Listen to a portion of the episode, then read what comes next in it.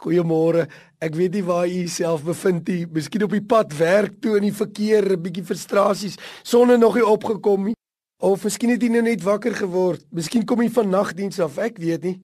Ek wil hierdie gedeelte Markus 1 net vinnig saam lees. Van Jesus word gesê en vroeg in die môre nog diep in die nag het hy opgestaan en uitgegaan en na 'n eensame plek vertrek en daar gebid. Dis Jesus wat dit gedoen het. Nou onlangs het ek 'n studie gehoor oor die radio wat sê dat tieners wat harde musiek van hulle fone af luister, kan nie so ver sien nie. Met ander woorde, wanneer jy die musiek afsit, dan kan hulle verder sien.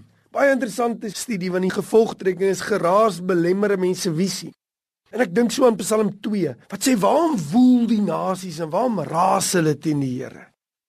Ek dink so aan die geraas rond ons almal. Weet jy of in die stad is, maar in die stad is daar gezoom, daar waar ek woon, is 'n gezoom heeltyd van die geraas, die besige lewe is 'n geraas. Weet jy dikwels kan jou suksesse vir jou so raas in jou ore dat jou visie belemmer word. Miskien jou mislukkings raak 'n geraas in jou ore. Miskien raak wat mense sê of wat hulle nie sê nie vir jou geraas in jou ore. Miskien jou eie alleenheid. Stilte kan baie keer na jou toe uitskree geraas. En hier kry ons 'n voorbeeld van wat doen Jesus in sy besigste besige program.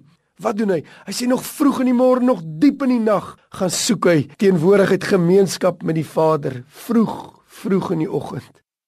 Vroeg in die oggend wil hy sy Vader se stem hoor. Vroeg in die oggend wil hy gaan bid. Vroeg in die oggend wil hy toelaat dat hy sy visie instel sodat die geraas nie maak dat hy nie ver kan sien nie. Ek weet nie wat is jou situasie nie. Maar die Here roep jou om vroeg in die oggend stil te wees. Nou u kan ook sê nee, maar ek is nie 'n oggendmens nie.